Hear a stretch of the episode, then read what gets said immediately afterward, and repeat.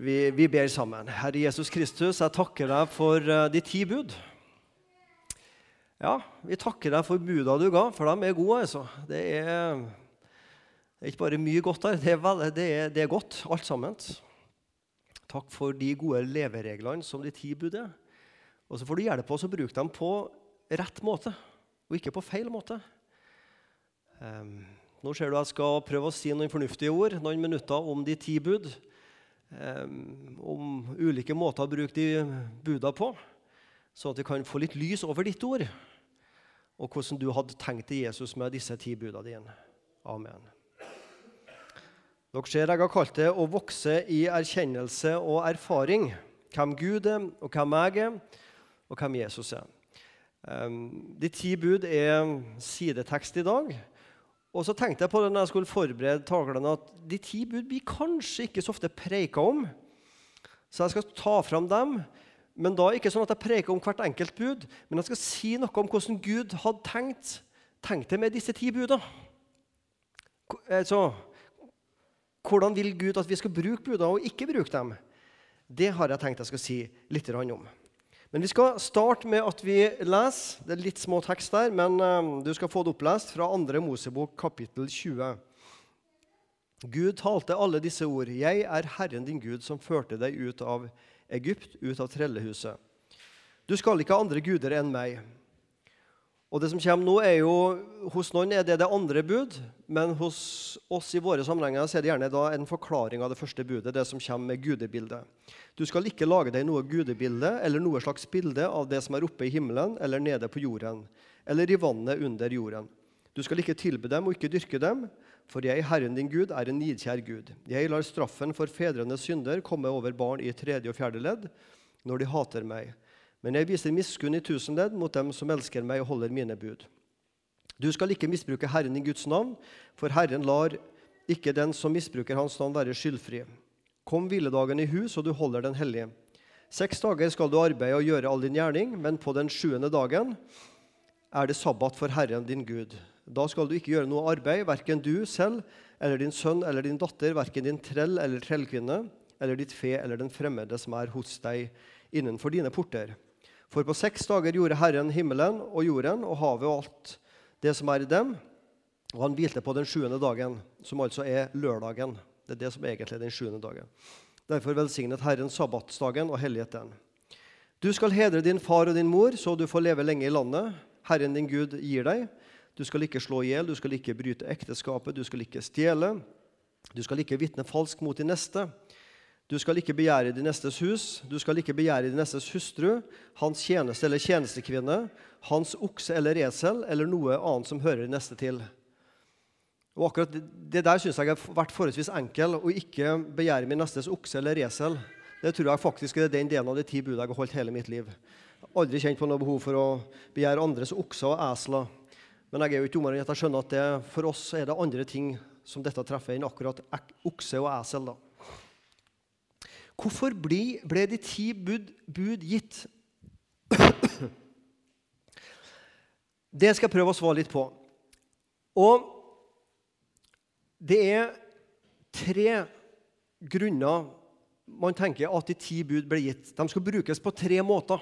Det er lovens første bruk, lovens andre bruk og lovens tredje bruk. Så Jeg skal si litt om det, og så skal vi til slutt møte en mann som møtte de ti budene på en ny måte, så at han fikk en ny erkjennelse av hvem han sjøl var. Den første måten vi bruker de ti buda på, det er som en god samfunnsnorm. Det er lovens første bruk. Lovverket, den kristne kulturarv og den kristne tankearv har vært med og påvirka vårt lovverk i Norges land. Når tanken kristnes, så kristnes også lovene. Og likens motsatt. Når kristen kunnskap avtar, så får vi ikke-kristne lover. Hvis vi går langt tilbake, og det er lenger enn første og andre verdenskrig, det er tilbake til vikingtida, så var det ikke uvanlig at man, hvis man fikk et barn man ikke ville ha, så satte man det ut i skogen. Så kunne dyra ta seg av det barnet. Det var lov for mange mange, mange, mange hundre år siden. Tusen år siden. Så kom kristen tanke inn i norske folket og, og, og lovverket ble kristna, så det ble forbudt å sette ut barna. Og kanskje motsatt. Når den kristne tanken forsvinner, hva er da med rettsvernet til det ufødte liv? Avtar det? Å verne menneskeverdet fra unnfangelse til naturlig død Vi kommer inn på dødshjelpproblematikken. Altså, jeg skal ikke snakke om det i dag, men jeg bare viser at dette er tema som påvirkes av i hvor sterk grad tanken og kulturen er prega av kristen tankegods. Å leve etter å respektere de samme regler og bud det skaper jo et trygt samfunn.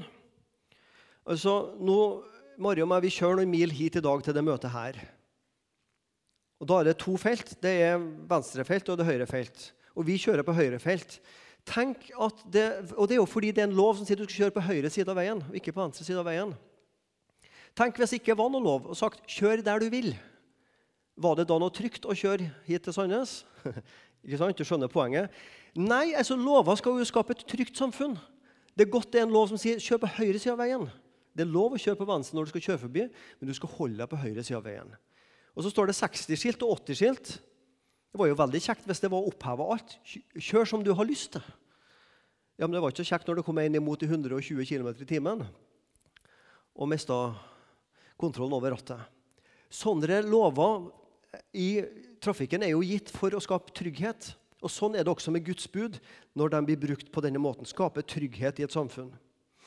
Vi har lov og orden om eh, nattesøvn. Altså, Etter klokka 11 så skal det være stilt. Eller etter klokka 1. Det er litt forskjellige regler om det sommer- og vinterhalvåret. Ja, men jeg føler meg fri. Jeg har lyst til å spille så høy musikk jeg vil klokka tre om natta. Jo, men Det var kjekt for meg, men det var ikke kjekt for naboen. Eller motsatt, hvis det var naboen som spilte sånn. ikke sant?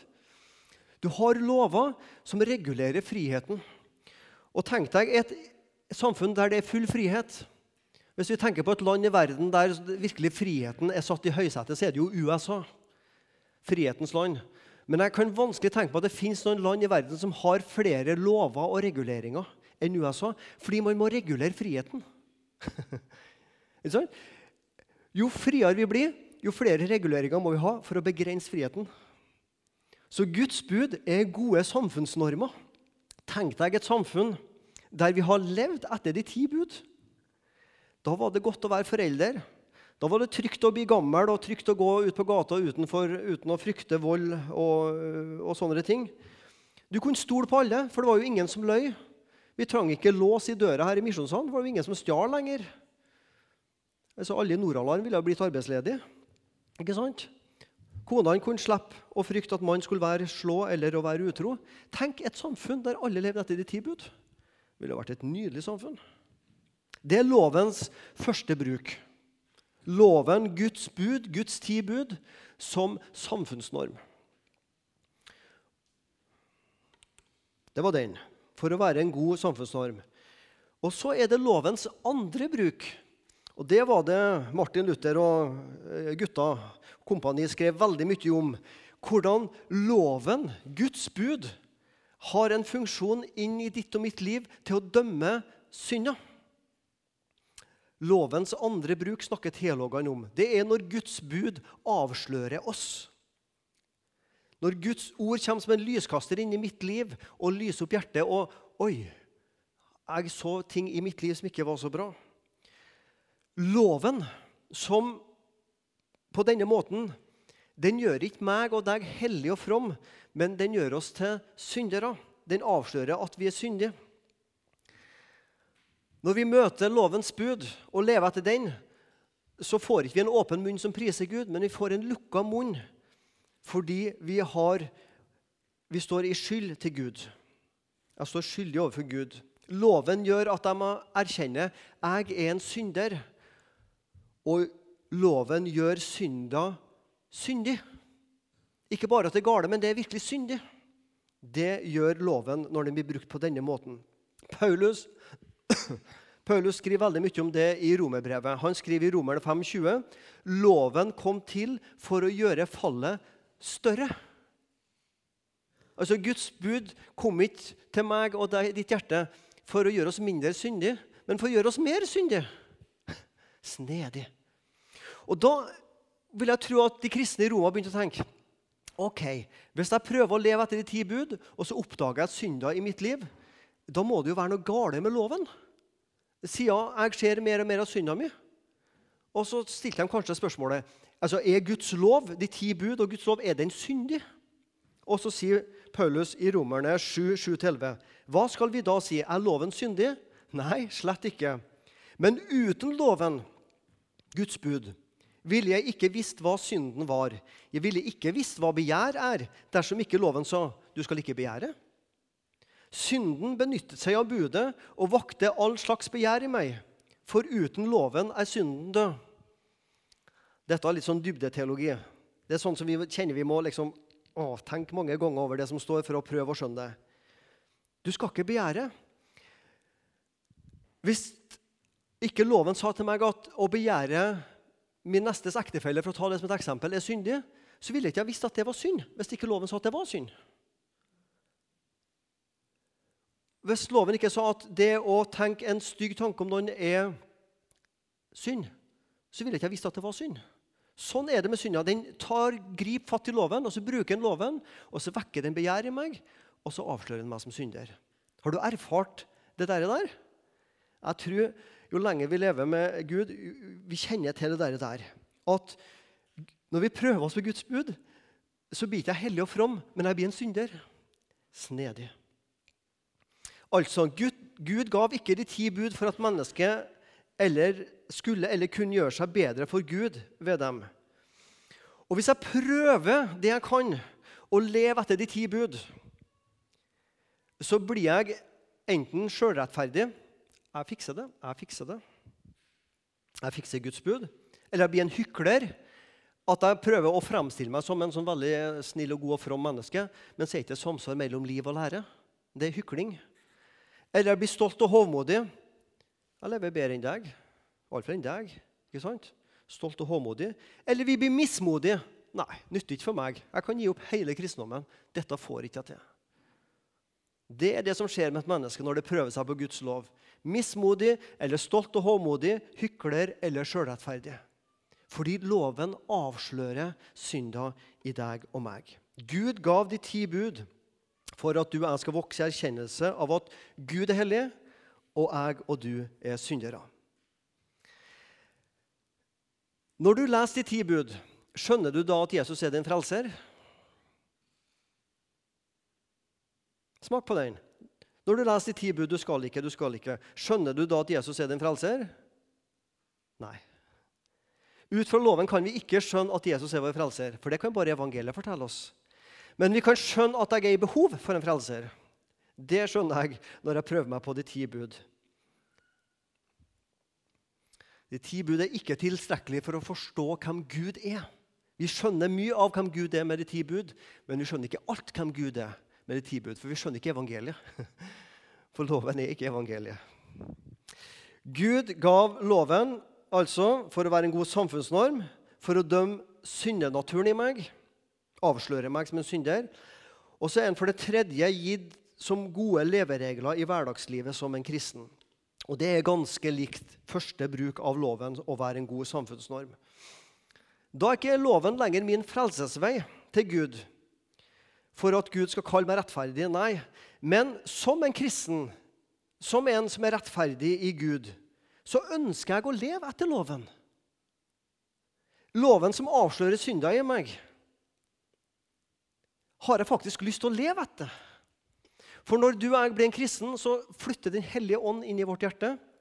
Og så kommer Den hellige ånd med nye verdier. Men de verdiene som Den hellige ånd kommer med, det er de samme verdiene som loven kommer med. Den hellige ånd kommer. Du skal ikke stjele, du skal ikke lyve, du skal ikke drive hor. ikke sant? Det er jo det Den hellige ånd kommer. Så det er ikke noen motsetning sånn mellom de ti bud og Den hellige ånd. De verdiene Den hellige ånd kommer med, det er det samme som de ti bud er. Så som en kristen så har jeg også et ønske å leve etter de ti bud, sjøl om de ti bud avslører meg som en synder. Henger du med? Og det, dette er noe med å holde to tanker i hodet samtidig. Jeg vet at 50 eh, av oss det ene kjønnet sliter med de to tankene i hodet samtidig. Men det er det det handler om. Loven som avslører meg, er god. Men så har jeg også lyst som en kristen til å leve etter loven. Formaningene i brevlitteraturen i Nytestamentet den bygger jo på de ti bud. Når Paulus gir formaninger til de kristne i Roma, i Efesus osv., så, videre, og så, videre, så er det jo egentlig de ti bud. Og de store kjærlighetsbud. Du skal elske Herren din Gud, og du skal elske de neste som deg selv. Det er jo det det bygger på. Det er de tre bruk av loven vi har. Og loven er, Det er ikke bare de ti bud, men det er på en måte Guds hellighet som uttrykkes i de ti bud. Som en god samfunnsnorm ja, Et samfunn på de ti bud ville vært et bra samfunn. Det tror jeg de fleste vil være enig i. Og for det andre loven som avslører meg som en synder. Og de ti bud som gir meg gode formaninger til hvordan jeg bør leve som en kristen. Nå skal vi møte snart et menneske som prøvde seg på de ti bud. skal vi se hva som skjedde med han. Å erfare de ti bud i hjertet. Du skal ikke drepe, du skal ikke bryte ekteskapet. Har vi brutt dem? Du skal ikke drepe, du skal ikke bryte ekteskapet. Um, synes du, og det kan jo hende at vi av og til gjør, at vi syns vi kjenner egentlig veldig lite til synd i hjertet vårt. Av og til så kan vi liksom være der Nei, jeg kjenner ikke så mye til synd. Og Det er jo ikke om å gjøre å kjenne til mest mulig synd. Det er ikke det jeg mener. Men hvis du skal ha lyst til å få litt av denne erfaringa av synd, bestem deg fra i dag og til vi møtes neste søndag, så skal du neste uke leve etter de ti bud av hele ditt hjerte, av hele din sjel og kraft og forstand.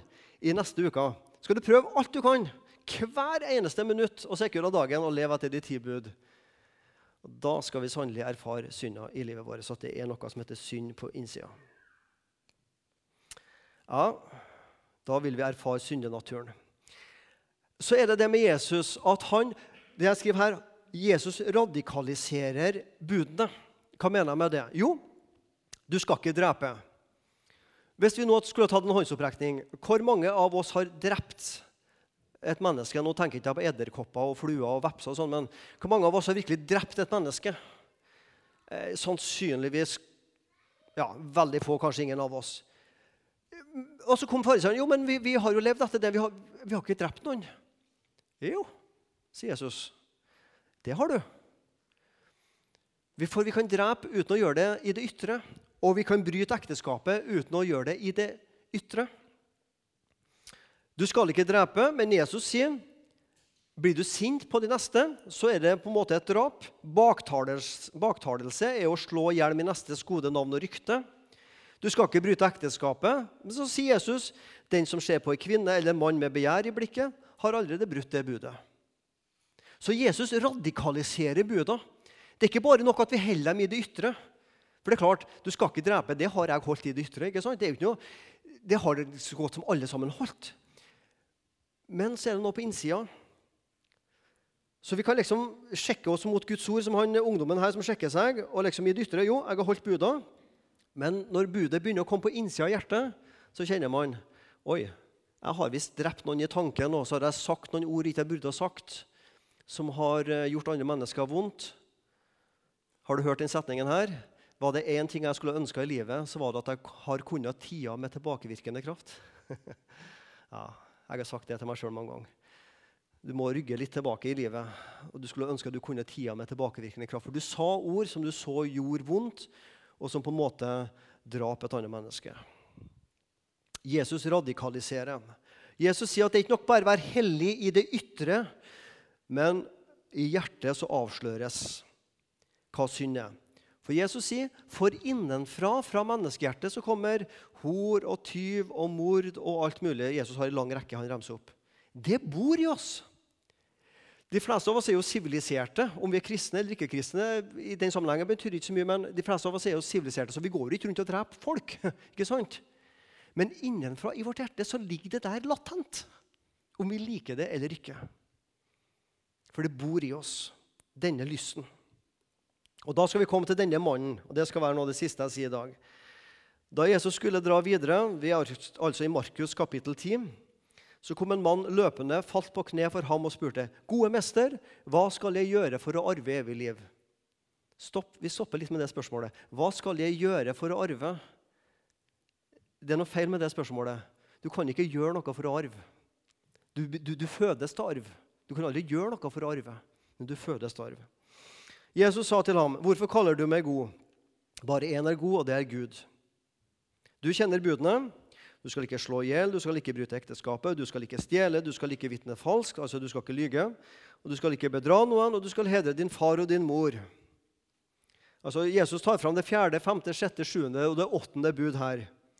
Og hva er det denne luringen svarer? Men han svarte, 'Mester, alt dette har jeg holdt fra jeg var ung av.'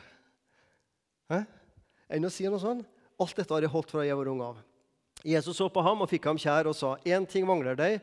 Gå bort, selg alt det du eier, og gi det til de fattige. Da skal du få en skatt i himmelen. Kom så og følg meg.' Alt dette har jeg holdt fra jeg var ung av. Jeg har prøvd å tenke, Hva ville jeg ha svart hvis jeg, om ikke jeg var Jesus, men om jeg var Jesus sted, og denne mannen sa det til meg? Kanskje ville jeg sagt ja, den var god. Der slo du av en god vits, liksom. Ha, ha, ha. Eller skal jeg si, altså. Du imponerer. Eller jeg ville ha sagt eh, jeg tror ikke du har riktig bra sjølinnsikt. Jeg ikke ville ha svart den unge mannen, men han trodde. Og i det ytre så hadde han sikkert gjort det. Han har sikkert aldri stjålet, aldri drept mannen. Han har hedra mor og far sin, vært snill og sagt gode ord til foreldre, og gjort alt det de sa, og alt sånn, og så videre og. Ikke løyet. I det ytre så hadde han sikkert levd etter det. Men han hadde ingen erfaring med disse budene på innsida i sitt hjerte. Han hadde bare en ytre erfaring med dem. I det ytre så klarer jeg å leve etter dem. Men han hadde ingen erfaring med at Guds bud kom på innsida og dømte synder i hans hjerte. Det var hans store problem. Han ble nedslått over dette og gikk bedrøvet bort, for han var svært rik. Da så Jesus rundt seg i kretsen av disiplene og sa, 'Hvor vanskelig vil det være for dem som eier mye, å komme inn i Guds rike?' Disiplene ble forferdet over Jesu ord, men han sa igjen. Barn, hvor vanskelig det er for den som stoler på sin rikdom, å komme inn i Guds rike. Det er lettere for en kamel å gå gjennom et nåløye enn for en rik å komme inn i Guds rike.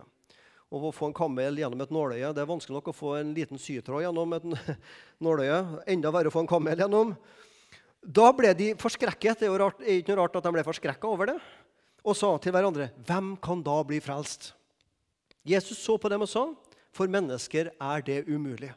Det er umulig for mennesket å leve sånn og leve etter buda at du fortjener frelse. Og så kommer evangeliet. Men ikke for Gud. Alt er mulig for Gud. Tenk hvis Jesus bare har sagt for mennesket er det umulig. Sorry, folkens. Vi avlyser alt. Kristendom er avlyst. Men så kommer Jesus med evangeliet. Men ikke for Gud. Alt er mulig for Gud. Jeg er så glad Jesus sa det. Denne unge mannen han vokste i erkjennelse denne dagen hvem Jesus var. Han kalte han mester. Han vokste i erkjennelse av at det, det er det evige liv som er den virkelige verdi. Men han vokste også i erkjennelse av hvem han sjøl var. Så på seg sjøl med stolthet. Og Han erkjente at det var egentlig var pengene og rikdommen som var skatten i hans hjerte. Det var det han levde for. Det var han ikke villig til å gi avkall på. Derfor forlot han Jesus. Og Disiplene vokste også i erkjennelse denne dagen hvor vanskelig det er å nå himmelen. Ikke bare det vanskelige, det umulige. I egen kraft. Men de vokste også i en erkjennelse av at det er kun Gud som kan frelse.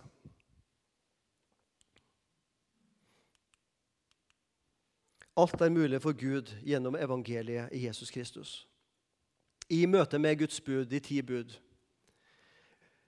det, jeg har tatt meg sjøl i det av og til, og kanskje du har tatt deg i det, at når du hører de ti bud, så tenker du liksom åh, nei, dette var tungt.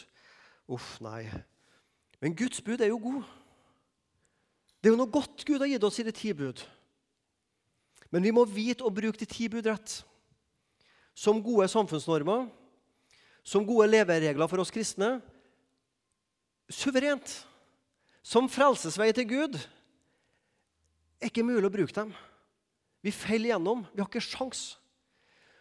For å bli rettferdig for Gud så er de helt ubrukelige. Ikke fordi det er feil med buda, men fordi det er feil med meg. For det er ikke noe hold i meg. Guds bud finner ikke noe i meg som den kan løfte til Gud. For det er ikke hold i meg. Men jeg har en som har holdt buda for meg. Og du har en som har holdt de ti bud for deg. Det er evangeliet. Og Hvis det virkelig har vært liv i oss, nå, så har vi sagt yes! Halleluja! For det er det som er evangeliet. Vi har en, Jesus Kristus, som har holdt de ti bud for oss. Og så vet jeg at jeg synder mot dem i tanke, ord og gjerninger. Kanskje ikke gjerninger alle dagene, men eh, litt oftere enn jeg kanskje liker å innrømme. Men så vet jeg ok, når jeg synder mot dem, så har jeg en som har holdt de buda for meg, og det er Jesus Kristus. Alt er mulig for Gud gjennom evangeliet i Jesus Kristus. Takk, Herre Jesus, at du, du var hellig, det som jeg ikke var. Du var fullkommen, det som jeg ikke var. Du levde 100% etter buda, det som jeg ikke klarer. Og så gjorde du ikke det for din del, men gjorde det for min del. Og det er det beste av alt. Du gjorde det for oss sin del, vi som er her, og for alle mennesker på jorda sin del. Herre Jesus, la oss ta buda og loven alvorlig, men bruk den på den rette måten. Og la oss først og fremst klynge oss til evangeliet, at du, Jesus, har gjort alt for oss. Amen.